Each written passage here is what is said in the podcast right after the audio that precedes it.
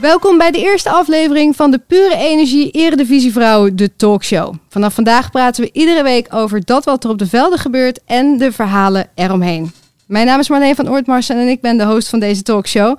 Komend weekend dan start de Eredivisie weer en vandaag blikken we hier aan tafel onder andere terug op de eerste seizoenshelft. En dat doen we met leuke gasten die ik graag aan je voorstel. De eerste gast, Sanne van Dongen. Voetbalde zelf vroeger ook op niveau. Nederlands elftal onder de 15 behaald. Maar was net iets beter in basketbal. Ging daarin verder en reikte daarmee tot de eredivisie. Ze volgt nu de eredivisie vrouwen op de voet. En wekelijks gaat ze ons hier verblijden met haar inzichten, wijsheden en analyses. En mocht je nou denken, die achternaam van Dongen, die komt me bekend voor. Nou, dat kan kloppen, want Sanne's tweelingzus is Oranje International en speelster van Atletico Madrid, Merel van Dongen. Maar Sanne, jij bent hier aan tafel. Hartelijk welkom. Dankjewel, dankjewel. Onze eerste aflevering. Zin in? Ik heb er heel erg veel zin in. Ik denk uh, dat het heel erg nodig is zoiets leuks, om over zoiets leuks te praten. En uh, ik doe heel graag mee, dus ik heb er zin in. Top. Ik hoop dat onze tweede gast er ook net zoveel zin in heeft. En dat is uh, Annemarie Postma. Freelance sportjournalist en volgt het vrouwenvoetbal met name de Oranje Leeuwinnen echt op de voet. Schrijft voornamelijk voor het Parool, de Volkskrant, Hard Gras. En schreef ook twee boeken, namelijk De Oranje Leeuwinnen en Samen Sterk. Fijn dat je er bent, Annemarie. Welkom. Dankjewel. Volgende week start de Eredivisie weer. Hoe erg heb jij daarna uitgekeken dat het weer begint? Ja, het is altijd fijn na een interland break en dan de Eredivisie Cup. Maar de, ja, de ontknoping hè, gaat nu, uh, nu gaat erop aankomen. Dus heel veel zin in. Ja. En dan, uh, ja, last but zeker not least, Claudia van den Heiligenberg. Voetbal kreeg ze met de paplepel ingegoten door haar moeder Mary van der Meer, die in de jaren 70 vijf keer in het Nederlands elftal speelde. Nou, zelf kwam Claudia tot ietsje meer interlands. 97 heeft ze de achter de naam staan. In Nederland werd ze vier keer landskampioen en ze speelde onder andere voor AZ en Ajax. Haar vrouw, Lucie Vonkova, die speelt nu ook bij Ajax. Kortom, ja, eigenlijk jouw hele leven ademt voetbal, toch? Ja, heerlijk toch? Ja, lekker. Welkom, fijn dat je er bent. Dankjewel, mooie introductie. Ja, jij was erbij toen in 2007 de Eredivisie Vrouw werd opgericht. Een van de eerste speelsters die daarin mocht spelen. Hoe was dat toen? Ja, dat was wel iets anders. Um, allereerst speelden alle internationals verdeeld over de eredivisie. Uh, toen er tijd mocht je een keuze opgeven, 1 en 2. En dan, uh, ja, dan hoopte je natuurlijk op keuze 1. Maar het kon ook zijn dat je bij keuze 2 terecht kwam. Dus uh, ja, het was, het was heel erg aan elkaar gewaagd. Um, ja, met de tijd is er natuurlijk onwijs veel is ontwikkeld. zeker denk ik de, de topclubs. PSV, Twente, Ajax. Um, daarin zie ik heel veel grote verschillen. Alleen als ik kijk naar de, de clubs uh, ja, wat meer aan de onderkant, uh, Alkmaar, Excelsior, ja, dan zie ik weinig verschillen. Dan zie ik dat zij inderdaad nog steeds uh, de eredivisie moeten combineren met studie, werk ja, en allemaal nog wel, wel ja, best heftig. Um, dus daarin niet zoveel grote verschillen, maar ja, zeker wel onwijs ontwikkeld. Ja, want dat was destijds bij jou ook zo, dat je dat echt moest combineren met ander werk. Ja, ja ik werkte gewoon 36 uur per week en stond ja, bijna dagelijks op het veld gaan we het straks nog uitgebreid over hebben. Voordat we verder praten, wil ik het eerst even hebben over de wedstrijd van afgelopen weekend. Want ja, de bal ging weer rollen. En er werd gevoetbald voor de Eredivisie Cup. Uitslagen die waren als volgt. PEC Zwolle won met 3-2 van ADO Den Haag. VV Alkmaar pakte de winst tegen Excelsior. Ajax die won met 1-3 van Herenveen. En de wedstrijd tussen FC Twente en PSV eindigde in een gelijkspel. Maar Twente trok aan het langste eind naar penalties. Sanne, de Eredivisie Cup. Dat is iets anders dan de Eredivisie en het bekertoernooi. Ja. Maar hoe gaat het in zijn werk? Ja, er is veel verwarring over vaak als mensen vragen uh, hoe het werkt. En die verwarring snap ik, want de KVB legt het vaak een beetje uit met A1 tot met 5, et cetera, et cetera. Maar het is heel makkelijk uit te leggen. Nou, en ik heb dus ook een papiertje bij me. En uh, voor de kijkers op YouTube, die zie je. Maar voor de luisteraars moet je even inbeelden dat je uh, op een veld staat in een gymzaal vroeger. Dus als je gewoon aan het gymlessen was, dan had je vier veldjes. Het winnaarsveld, en je had het verliezersveld. En uh, dat werkt eigenlijk hetzelfde bij de Eredivisie Cup. Je hebt vier velden. Het winnaarsveld, dat is gewoon, het, laten we het veld 1 noemen. Daarna heb je veld 2, daarna heb je veld 3 en het verliezersveld is veld 4. Nou, aan het begin van die Eredivisie Cup worden alle teams ingedeeld op een van die velden. Dat is dit keer volgens mij gewoon gebeurd op basis van de uh, ranglijst van vorig jaar. Dus PSV stond op het winnaarsveld, dan stond Ajax op het tweede veld, Twente op het derde veld en op het vierde veld stonden ADO en Herenveen, nummer 4 en 5. PSV speelde tegen de nummer laatst van vorig jaar Excelsior. Ajax tegen PEC, dat was nummer 7. En Twente tegen VV Alkmaar, want die was nummer 6. Nou, dat is de start van het, uh, van het spel. En dan is het net als in een gymles. Vroeger, als je won, moest je zorgen, dan mocht je een plekje naar het winnaarsveld op, opschuiven. Als je op het winnaarsveld won, bleef je op het winnaarsveld. Dat is precies wat er bij de Eredivisie Cup ook is gebeurd. Dus eh, PSV begon op het winnaarsveld. Die, uh, die won de eerste wedstrijd van Excelsior, bleef op het winnaarsveld. Ajax won die eerste wedstrijd, die mochten naar het winnaarsveld. Waardoor je daardoor PSV Ajax krijgt. Nou, daarvan verliest er weer eentje. Dat was dit keer PSV. Die zakt weer een veldje naar beneden. En na vijf rondes, dat is dus wat er aanstaande ronde gaat gebeuren... staat er twee teams op het winnaarsveld. Nou, gisteren was dus de halve finale, de vierde ronde. Degene die dus op het tweede veld speelt, dat was Ajax tegen Herenveen. De winnaar daarvan mocht naar het winnaarsveldje voor de laatste ronde, de finale ronde. Nou, jammer voor PSV, die speelde best goed. Maar die verloren uiteindelijk na strafschoppen van Twente. Dus die moeten naar het tweede veldje. Dus op het moment, de laatste ronde waar het om gaat, vijfde ronde, dat is de ronde dat je op het winnaarsveld moet staan. Dat is PSV niet gelukt, Ajax en Twente wel. Dus daar gaat de eerste prijs verdeeld worden. Ja, ik hoop dat iedereen heeft meegeschreven, maar het was wel heel duidelijk. Dat gymzaal voorbeeldje vond ik wel echt helder. Ja, het is gewoon een spelletje. Ja, en het is eigenlijk in het leven geroepen toch omdat de competitie uh, met acht clubs anders wat ja, te kort zou zijn en ze dus te weinig spelen. Claudia, weet jij hoe, dat, hoe de speelsters dat vinden? Dat ze dan ook zo vaak tegen elkaar spelen? Uh, nou, dat vinden ze niet altijd even leuk, want het komt wel eens voor, en zeker vorig seizoen, dat je dan drie keer tegen dezelfde tegenstander speelt. Kan ik me wel voorstellen dat je daar niet, uh, ja, niet op zit te wachten altijd. Uh, maar ik denk wel dat het heel belangrijk is dat er veel wedstrijden worden gespeeld. Uh, daarvoor waren het misschien te weinig per seizoen.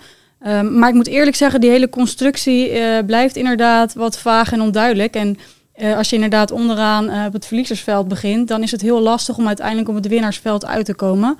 En dan kan ik me wel voorstellen dat voor bepaalde teams misschien de motivatie iets minder ja. is. Maar een duidelijke uitleg in ieder geval. Ja, want Herenveen bijvoorbeeld begon op het verliezersveld. Maar die had gewoon uiteindelijk in de vijfde ronde op het winnaarsveld uit kunnen komen. Als ze gisteren hadden gewonnen van Ajax. Ja. Dus, maar ze begonnen, dat is wel een nadeel voor ADO en Heerenveen. Die begonnen op het verliezersveld. Dan heb je wel, moet je meer wedstrijden winnen. Ja.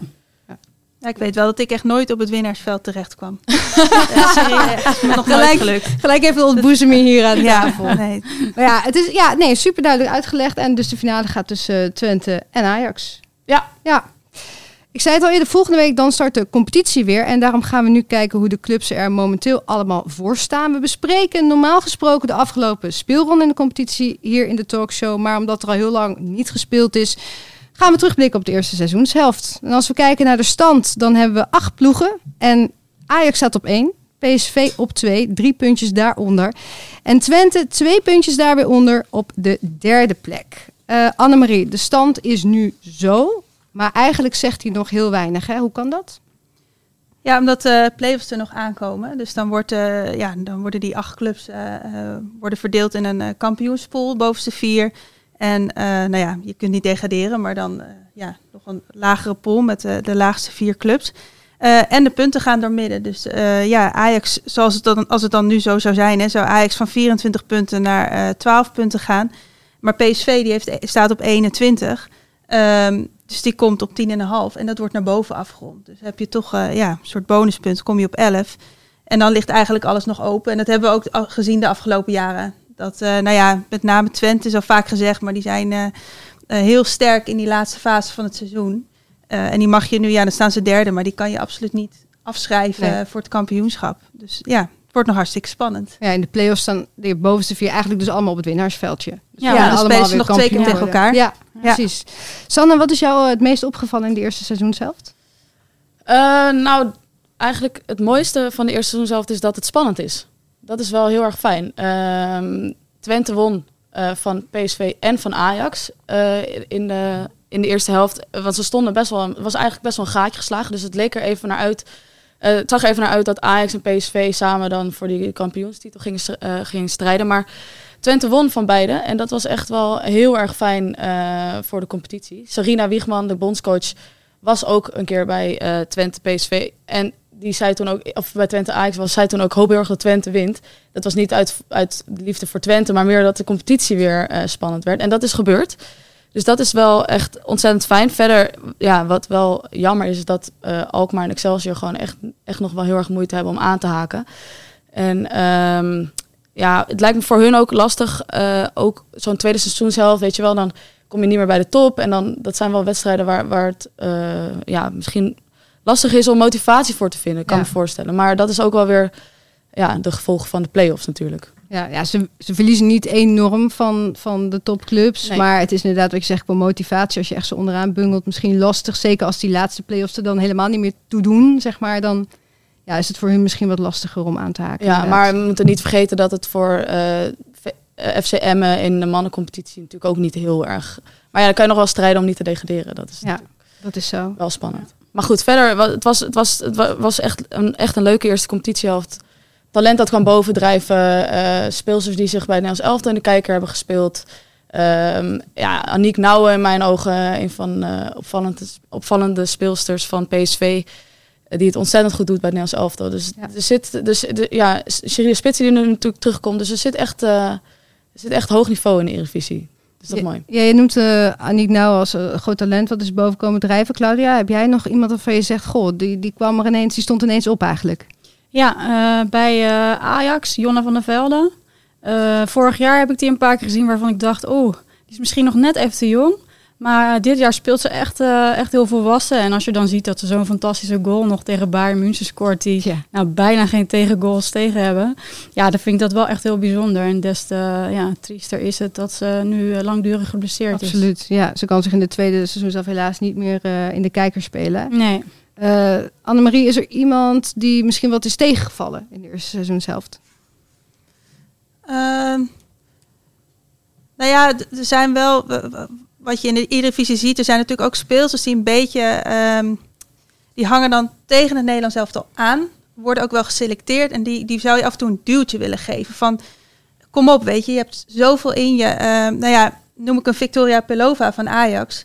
Eh, bakken ehm, vol talent. Ook als ik haar zie spelen en je gaat gewoon een paar minuten op haar letten. De, het, is echt een goede speelster. Maar toch ook wel momenten in een wedstrijd dat je denkt van, van zet een stapje extra. Of ehm, ja, alsof ze nog steeds zo blij is dat ze bij het Nederlands elftal zit. Terwijl ik denk van nu is het moment om te denken, je hoort daar.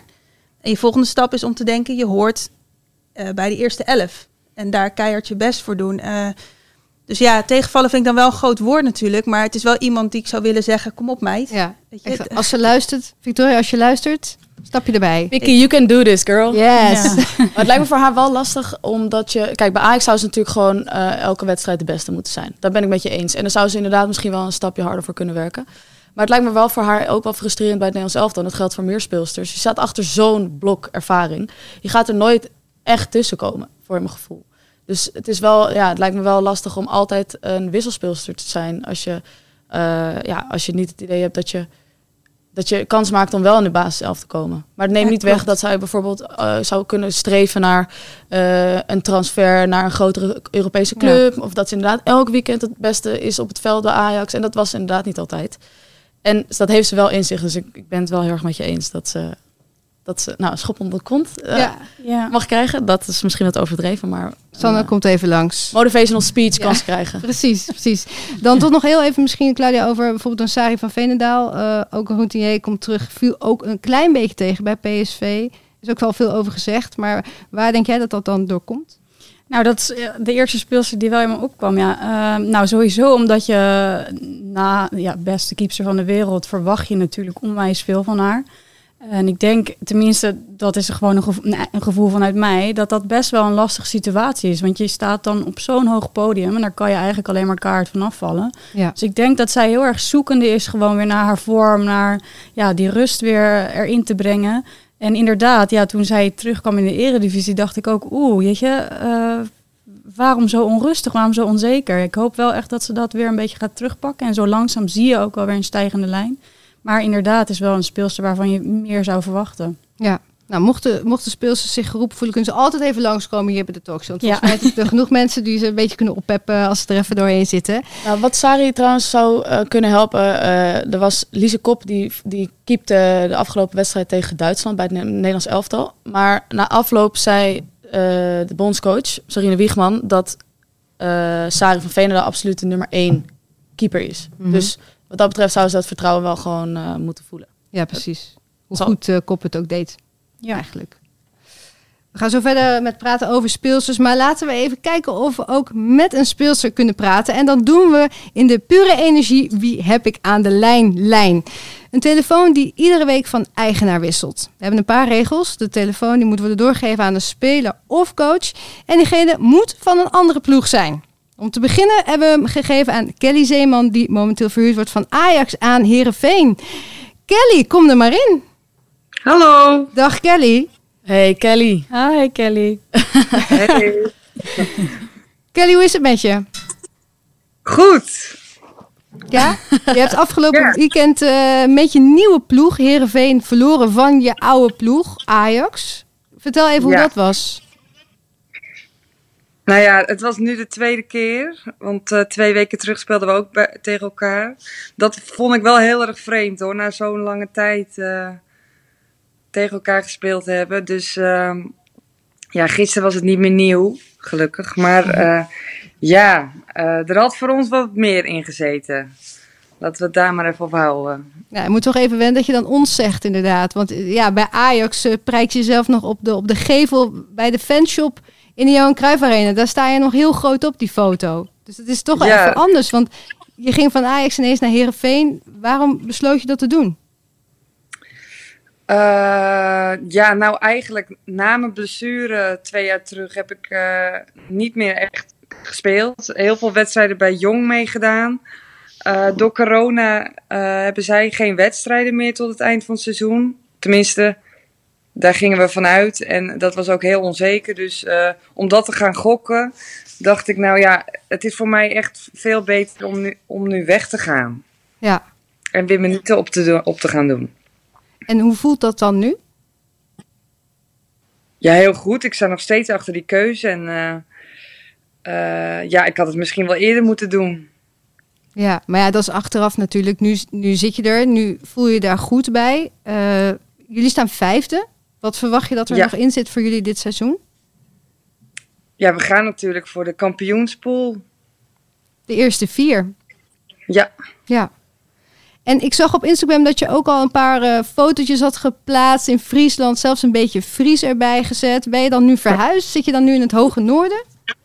nee, ik ben niet verhuisd, maar ik eh logeer er wel af en toe. Want wij trainen heel vroeg. Ja. En het is wel een eindje rijden. Dus dan eh, logeer ik in een, in een, een huis waar andere teamgenoten wonen. Oh, dat is wel gezellig. Ja, Is is het niet ook te goed voor gezellig? de band, inderdaad. Sowieso waar Ja, Kelly en is, is het altijd gezellig. Precies. Het is gewoon één grote eh, tweede studentenleven voor jou, Ja. Kelly. Het is echt een studentenleven. Kelly, je, je, je komt volgens mij van Marken. Eh, je kan ook gewoon met de boot naar Friesland, toch? Ja, maar eh, er was geen eh, goede aansluiting, want dan moest ik overstappen in Lelystad. Eh, Het was allemaal gedoe. Oh, je hebt het wel uitgezocht. Dat vind ik dan wel leuk. Ik zie ook je ouders al met zo'n klein motorbootje de Ja, wou ik IJsselmeer ook zeggen, oversteken. Elke ochtend om vijf uur. Daar gaat Kelly weer. Hengelt je nog Ja. eruit het voor de avond vis ook Ja, nog ja. op tafel. Zeeman is niet voor niks twee Ah, hè? Hey Kelly, ehm, laten we afspreken dat als jij een keer te gast bent in deze talkshow, dat jij een lekker Fries eh, suikerbroodje voor ons meeneemt. Voor nu heb jij in ieder geval de pure energie. Wie heb ik aan de lijn, lijn, telefoon in bezit? Jij mag hem doorgeven aan een speler of coach in de eredivisie. En ja, zij of hij mag niet uit jouw team afkomstig zijn. Maar ik denk dat wel gaat lukken, toch? Ja, moet ik dat nu zeggen? Nee, nog niet. Maar eh, Oh. dat het komt goed. Het moet, voor, Oh. moet voor ons een verrassing blijven. Dan nemen we volgende week op en dan zijn we benieuwd wie we dan eh, aan de lijn hebben. Oké. Kelly, dankjewel dat je in ieder geval nu aan de lijn wilde komen. Succes dit seizoen. En wie weet zien we je nog een keertje hier aan tafel. Zou ik gezellig vinden. Dankjewel, is goed. Oké, fijne dag vandaag. Doei. doei. Doeg. Claudia, dat speelsters verhuurd worden eh, in de Eredivisie is nu nieuw. Is dat een goede ontwikkeling, vind jij? Ja, vind ik wel. Ehm, Kelly is denk ik ook een goed voorbeeld van iemand die bij het Nederlands elftal speelde, captain was bij Ajax, maar nooit helemaal goed terugkwam na haar blessure. Ook misschien niet echt de kans heeft gekregen daartoe, maar ehm, ja, ik denk voor haar echt goed dat ze nu gewoon weer kan spelen en echt fit kan worden. Eh, maar er zijn er meer. Ik denk eh, zeker bij de grotere clubs heb je af en toe speelsters die weinig aan spelen toekomen. De vraag is alleen, is dat financieel altijd goed op te lossen als ze naar een club gaan waar het financieel misschien minder is? Ja, zoals wat Eh, Kelly eigenlijk net, eh, of wat, wat Kelly vertelde. Ja, is heel anders. Ja, de vraag is ook of heeft, heeft Ajax een duitje in het zakje gedaan en, eh, en, en is dat ook om natuurlijk investeren in een speelster? Eh, maar is dat altijd zo eh, mogelijk? Maar eh, ja, ik, eh, ik ben zeker voor. Ja, goede ontwikkeling. Maar dus. duit in het zakje gaat, zal, zal zij er, ze zal er toch wel op achteruit gaan met wat zij maandelijks dan verdient. Ja, dat, dat weet ik dus niet. Ik ben benieuwd of dat eh, Kelly dan akkoord is gegaan met misschien minder eh, geld per maand. Of dat Ajax misschien gezegd heeft, ja, eh, voor ons is het ook belangrijk dat Kelly zich ontwikkelt. Wij betalen een deel en Heerenveen betaalt een deel. Ja, ik heb geen idee. We bellen er even terug. Ja, dit, dit, dit moeten we eigenlijk even uitzoeken. Dus voor de volgende keer... eh, Gemiste kans. Ja. Claudia, ik wil graag verder met jou. Ik zei het al in mijn eh, introductie. Jouw moeder, Mary van der Meer, was een oranje leeuwin. En eigenlijk heb jij het voetbal vanuit huis uit meegekregen. En ik ben zo benieuwd hoe dat dan vroeger was. Want dat was vroeger al helemaal niet zo gewoon. Nee, eh, nee, inderdaad helemaal niet. Nee, wij eh, als mijn broer en ik, die zaten altijd op de bank. Die werden daar, ja, de wissels moeten, moesten op ons passen. Dus ja, we waren altijd op het voetbalveld te vinden, inderdaad. En ja, het is wel heel bijzonder ook dat je uiteindelijk zelf eerst landskampioen werd. Want mijn moeder werd ook landskampioen in die tijd.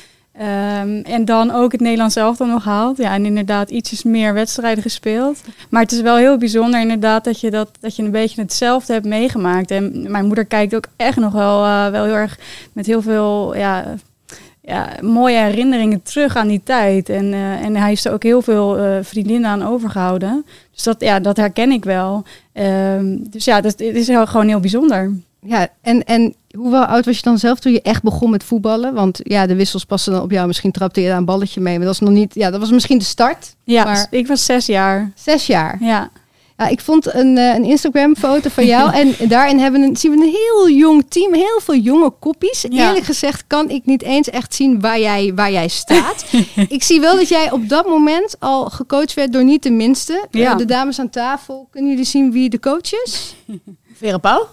Nou, daar heeft ze het wel het kapsel van. Is het Sarina? Is dat Wigman? Het is Wiegman. Oh ja, ja. ik kijk van een ver afstandje hoor. Dus, eh, Ja. Oh ja, dat is Wiegman, ja. Ze heeft ongeveer daar nu hetzelfde coronakapsel als dat ik nu heb. Maar het is inderdaad Sarine Wiegman. Hoe oud was je hier dan? Nou, ik denk een jaar of twaalf. Twaalf Volgens jaar. mij is het onder dertien, ja. Maar hier is hij ook Wiegman de langste. Want bij het Nederlands elftal is Wiegman de, een van de kleinste. Dus dat is ook Inderdaad, Ja, heel veel een beetje kopjes. vertekend beeld. Ja, daarom denk ik dat, ik denk dat Wiegman zich misschien wel beledigd voelt. Want Vera Pauw is wel ietsjes ouder. Toch? Dan. Ja, maar jij kijkt, dat is wel van is- ver af. eh, Ja, precies, even. Het is me eh, vergeven, hoor. dus Dan gaat als gast. Ja. Komt hij nooit. ja, precies. Sarine wilde wel een keer aanschuiven, dus misschien eh, kunnen we het dan nog een keer over haar kapsel hebben destijds. Maar daar, het heb, ken je daar nog heel veel mensen van, vanuit dat team die we hier... Nou, eigenlijk hebben? met wie ik echt lang gespeeld heb is Chantal de Ridder. ja, En eh, ja, mijn achternichtje staat naast mij, dus die ken ik dan persoonlijk nog. Maar de rest heb ik eigenlijk nooit meer echt eh, teruggezien, nee. ja, het is wel een hele leuke foto, vond Ja. ik. Het is echt, een hele, echt uit de oude Ja, doos. laat het over mijn kapsel ook niet hebben. dat, dat skippen we eventjes. Dat skippen we eventjes. Zwart-wit foto volgende keer. Precies, doen we dat. Nou, dan post je die de volgende keer. Dan gaan we, ga ik daar iets over vragen. Eh, ja, je zei het al, Oranje Lewin geweest, 97 Interlands gespeeld, in 2017 gestopt. Uh, kriebelt dat soms nog wel eens dat je denkt, ah, Ja, elke dag nog. Ja? en zeker omdat mijn vrouw gaat elke dag lekker trainen en eh, wedstrijden spelen. En dan denk ik, oh, dat zou ik ook nog steeds heerlijk vinden. Maar misschien na een week eh, zou ik het alweer opgeven hoor. Maar ja, het kriebelt wel. Het eh, blijft gewoon bijzonder. inmiddels eh, heeft het eh, vrouwenvoetbal een enorme vlucht genomen, staat veel in de spotlights. Eh, nieuwe sponsor, Pure Energie. Eh, wedstrijden zijn op televisie te zien. Annemarie, wat vind jij van die ontwikkeling voor het vrouwenvoetbal? Ja, alleen maar hartstikke goed.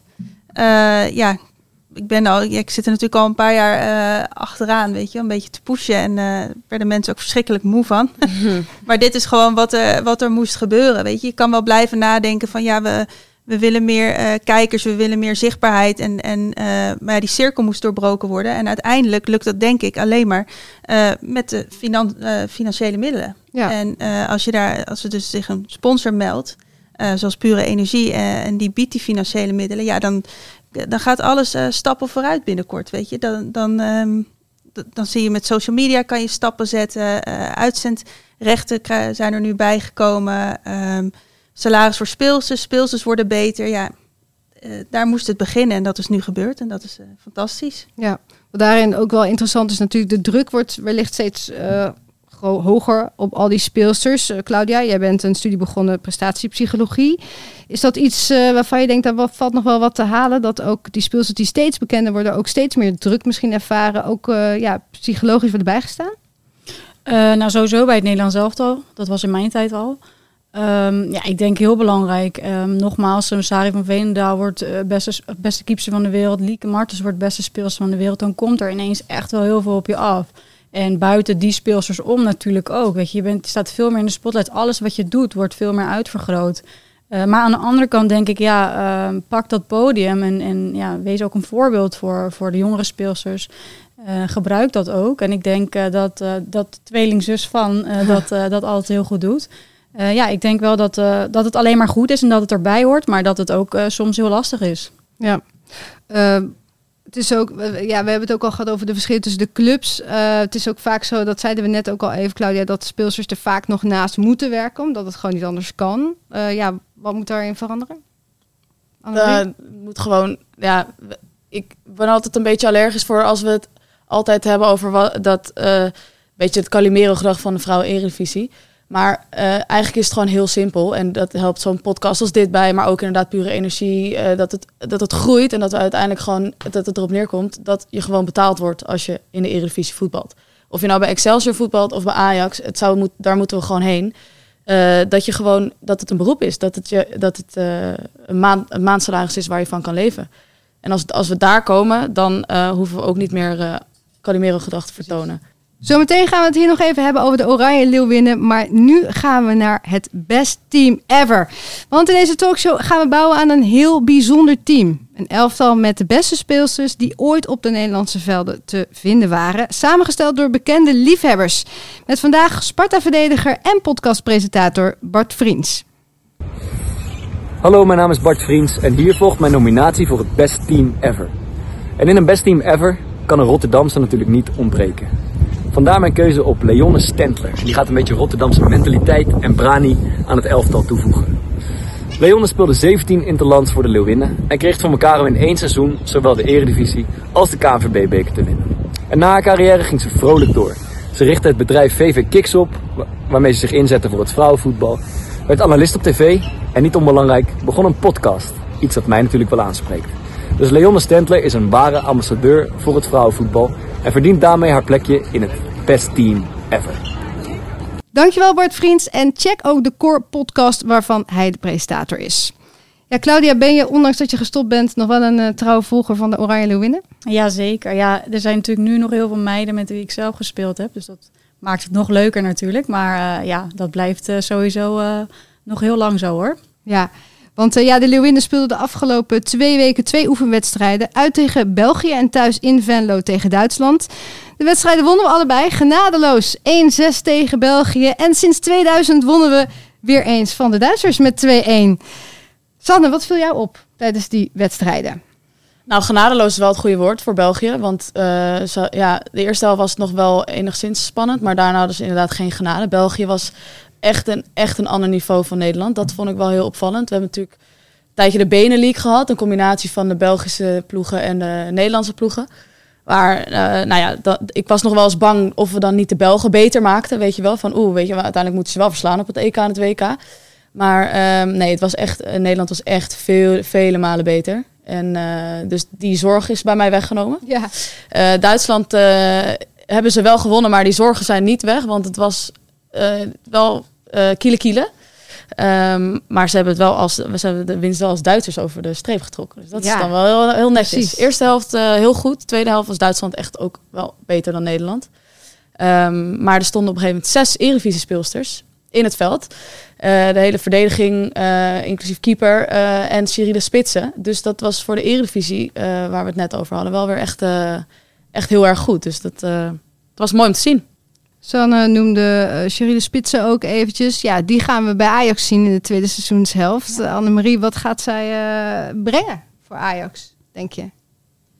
Uh, ja, sowieso een bak aan ervaring met uh, meer dan 170 interlands. Ze heeft in de EK-kwalificatie één wedstrijd gemist. En dat was niet eens uit vrije wil. Dat was omdat ze niet weg kon vanwege coronamaatregelen uit Noorwegen toen. Maar ja, ze heeft tien keer gescoord vijf vrije trappen en vijf penalties. Nou, dan weet je al wat je in huis haalt eh, voor die dode spelmomenten. Eh, en ja, i- iemand die, die er mond durft open te trekken. Ik bedoel, je, hebt, eh, je hebt met Stephanie van der Gracht heb je al een schreeuwlelijk achterin. Dan krijgen Sherida Spits op het middenveld. Dus dat wordt, weet je, als het er nu op aan gaat komen, zoals we net zeiden, en die play-offs, eh, die, ja, die kunnen echt wel heel veel brengen om die ploeg op te zwepen. Ja. En, eh, ehm, ja, en ook in een, in, een coachende, in een coachende rol. Dus eh, ja. Het is gewoon een bak aan ervaring die je echt nodig hebt in een play-off vorm. Want dan gaat het gewoon om wie de zenuwen eh, onder controle houdt. En dat, dat kan zij als geen ander, echt als geen ander. Maar wat ook zegt, de coaching. Bij Ajax mis ik zo erg iemand op het veld die de boel neerzet, die coach. En gisteren ook hoorde je in die Eredivisie Cup elke keer Sherida sterk aan de bal, rust houden, bal houden. Ja, dan is Stephanie van der Gracht wel iemand die misschien wat schreeuwt, maar niet zeg maar zo, eh, ja, echt in de coaching zo duidelijk is. Dat, dat denk ik wel echt goed voor Ajax. Verder wil ik nog wel even zeggen dat eh, over die wedstrijd tegen Duitsland en België. Aniek Nouwen is in mijn ogen echt een van de grootste talenten van Nederland. Als je op die leeftijd al zo eh, steady bent, zo alsof, alsof het er geen moeite kost om de rust te bewaren, alsof het er geen moeite kost om eh, internationale topwedstrijden te spelen. Eh, nou, dan vind ik echt heel erg knap. En als je ook naast Stephanie van der Gracht staat, waar je normaal gesproken zou zeggen dat is de beste verdediger van Nederland. Ehm, er staat er nu iemand naast, denk je nou, die is eigenlijk ook wel de beste verdediger van Nederland. Dus het is echt heel erg mooi om te zien. En die, staat, die speelt gewoon nog in de Eredivisie. Dat gaat niet heel lang meer duren. Die gaat naar echt een grote Europese topclub, eh, is mijn verwachting. Maar dat is wel echt heel erg leuk om te zien. Maar sterker nog, Wiegman heeft gezegd hè, dat ze Nouwen beter vindt dan Ja. Van de Gracht. Ja. En Wiegman was altijd van, ja, maar Stephanie van der Gracht is de beste speelster ter wereld, eh, verdediger ter wereld. Dus toen zei ik ook van, oh, dus je vindt nu Aniek Nouwen de beste verdediger ter wereld, weet je. En eh, ja, toen moesten we wel lachen, maar ja, zij ze ook, ik vind het ook leuk dat je bij Wiegman, weet je, we hebben het allemaal wel van, oh, ze gaat weg, ze gaat ons verlaten, ze gaat naar Engeland, maar Ehm, ze is zo enthousiast nog over dit team. Dat vond ik echt heel leuk. Ze is heel eh, vol lof over Nouwen. Ze is enthousiast over Lynn Wilms. Eh, ik vind het leuk de rol waarin ze nu Jill Hoort heeft gezet. Want je hebt Berenstein zat gewoon op de bank, hè? Maar die Eh, kwam terug van een blessure. hè? Ja, die komt terug van een blessure. Maar je kan ook niet zeggen, we zetten even Jill Hoort op de bank. Nee. En die laat ze dan wel in een hele vrije rol. Het bracht toch wat eh, creativiteit als je het vergelijkt met altijd dat vaste systeem waarin ze eh, speelde. Maar dat enthousiasme zag je ook bij eh, Wiegman na afloop. eh, zeker naar Duitsland, toen een mooie overwinning. Ja. Ja. ja, dus dat vond, ik- viel ook wel op. Hetzelfde ook met Lise Kop was ze ook heel, heel enthousiast over. Dus ja, vond ik wel, toch wel mooi om te zien. Ja. Ze wil die Olympische Spelen, wil ze nog presteren. En dan weg. En dan Ja, weg, ja. Sarina wil graag een keertje langskomen in de talkshow. Dus ik hoop dat ze hier een eh, keertje plaats in onze studio.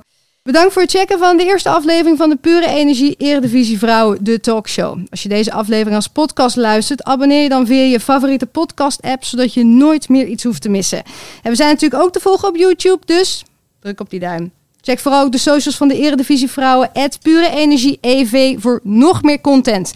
Voor nu wil ik mijn gasten bedanken, Sanne van Dongen, Annemarie Posma en Claudia van den Heiligenberg. En blijf nog even hangen, want we sluiten af met een lesje geschiedenis. Want wat zijn de meest historische momenten uit het vrouwenvoetbal? Wij maakten een top 10. Hier komt nummer 10. Tot volgende week. Marta, de messias van de vrouwelijke Canaries. Op zondag 23 juni 2019 vormde het Stade Oceane het decor voor een historisch moment in het vrouwenvoetbal. Na de uitschakeling van Brazilië tegen Frankrijk in de achtste finale van het WK verscheen Marta, aanvoerder van het Braziliaanse elftal, voor de camera voor een interview. Wat volgde was een vurig betoog waarin ze de nieuwe generatie op het hart drukte om meer te willen, harder te trainen en beter voor zichzelf te zorgen. Talent alleen was niet genoeg, zei ze geëmotioneerd. Zorg dat je je blijft bewijzen. Zij, Marta Vieira da Silva, wist hoe dat moest. Ze groeide op in Dois Riachos, een kleine gemeente aan de oostkust van Brazilië. Elk vrij uur van de dag was ze op straat te vinden, dribbelend achter een bal gemaakt van plastic tassen. Ze voelde de afkeurende blikken van buurtbewoners. Meisjes hoorden niet te voetballen. Marta zelf zag haar talent als een geschenk van God. Dit was het pad dat hij voor haar had uitgestippeld. Ze kreeg steun van haar moeder en oma. Nooit opgeven, zeiden ze tegen haar toen ze als 14-jarige op de bus stapte naar Rio de Janeiro voor een trainingskamp met Vasco da Gama. De reis bleek het begin van een van de mooiste succesverhalen in het vrouwenvoetbal. Marta werd profvoetballer in Zweden, Brazilië en Amerika, waar ze de laatste jaren voor Orlando Pride speelt, samen met haar verloofde Tony Presley. Ze werd zes keer gekozen tot wereldvoetballer van het jaar, is topscorer van het Braziliaanse elftal en maakte meer doelpunten op WK's dan welke mannelijke of vrouwelijke speler ook. Ze is de koningin van de dribbles, een leider, een teamspeler en een inspirator. De Messias van As Canariñas, de vrouwelijke Canaries. Onlangs vierde ze haar 35ste verjaardag. Zij weet, de toekomst is niet aan haar. Maar zolang het voetbalhart klopt, zal ze niet opgeven. Elke dag is er één om zichzelf te bewijzen.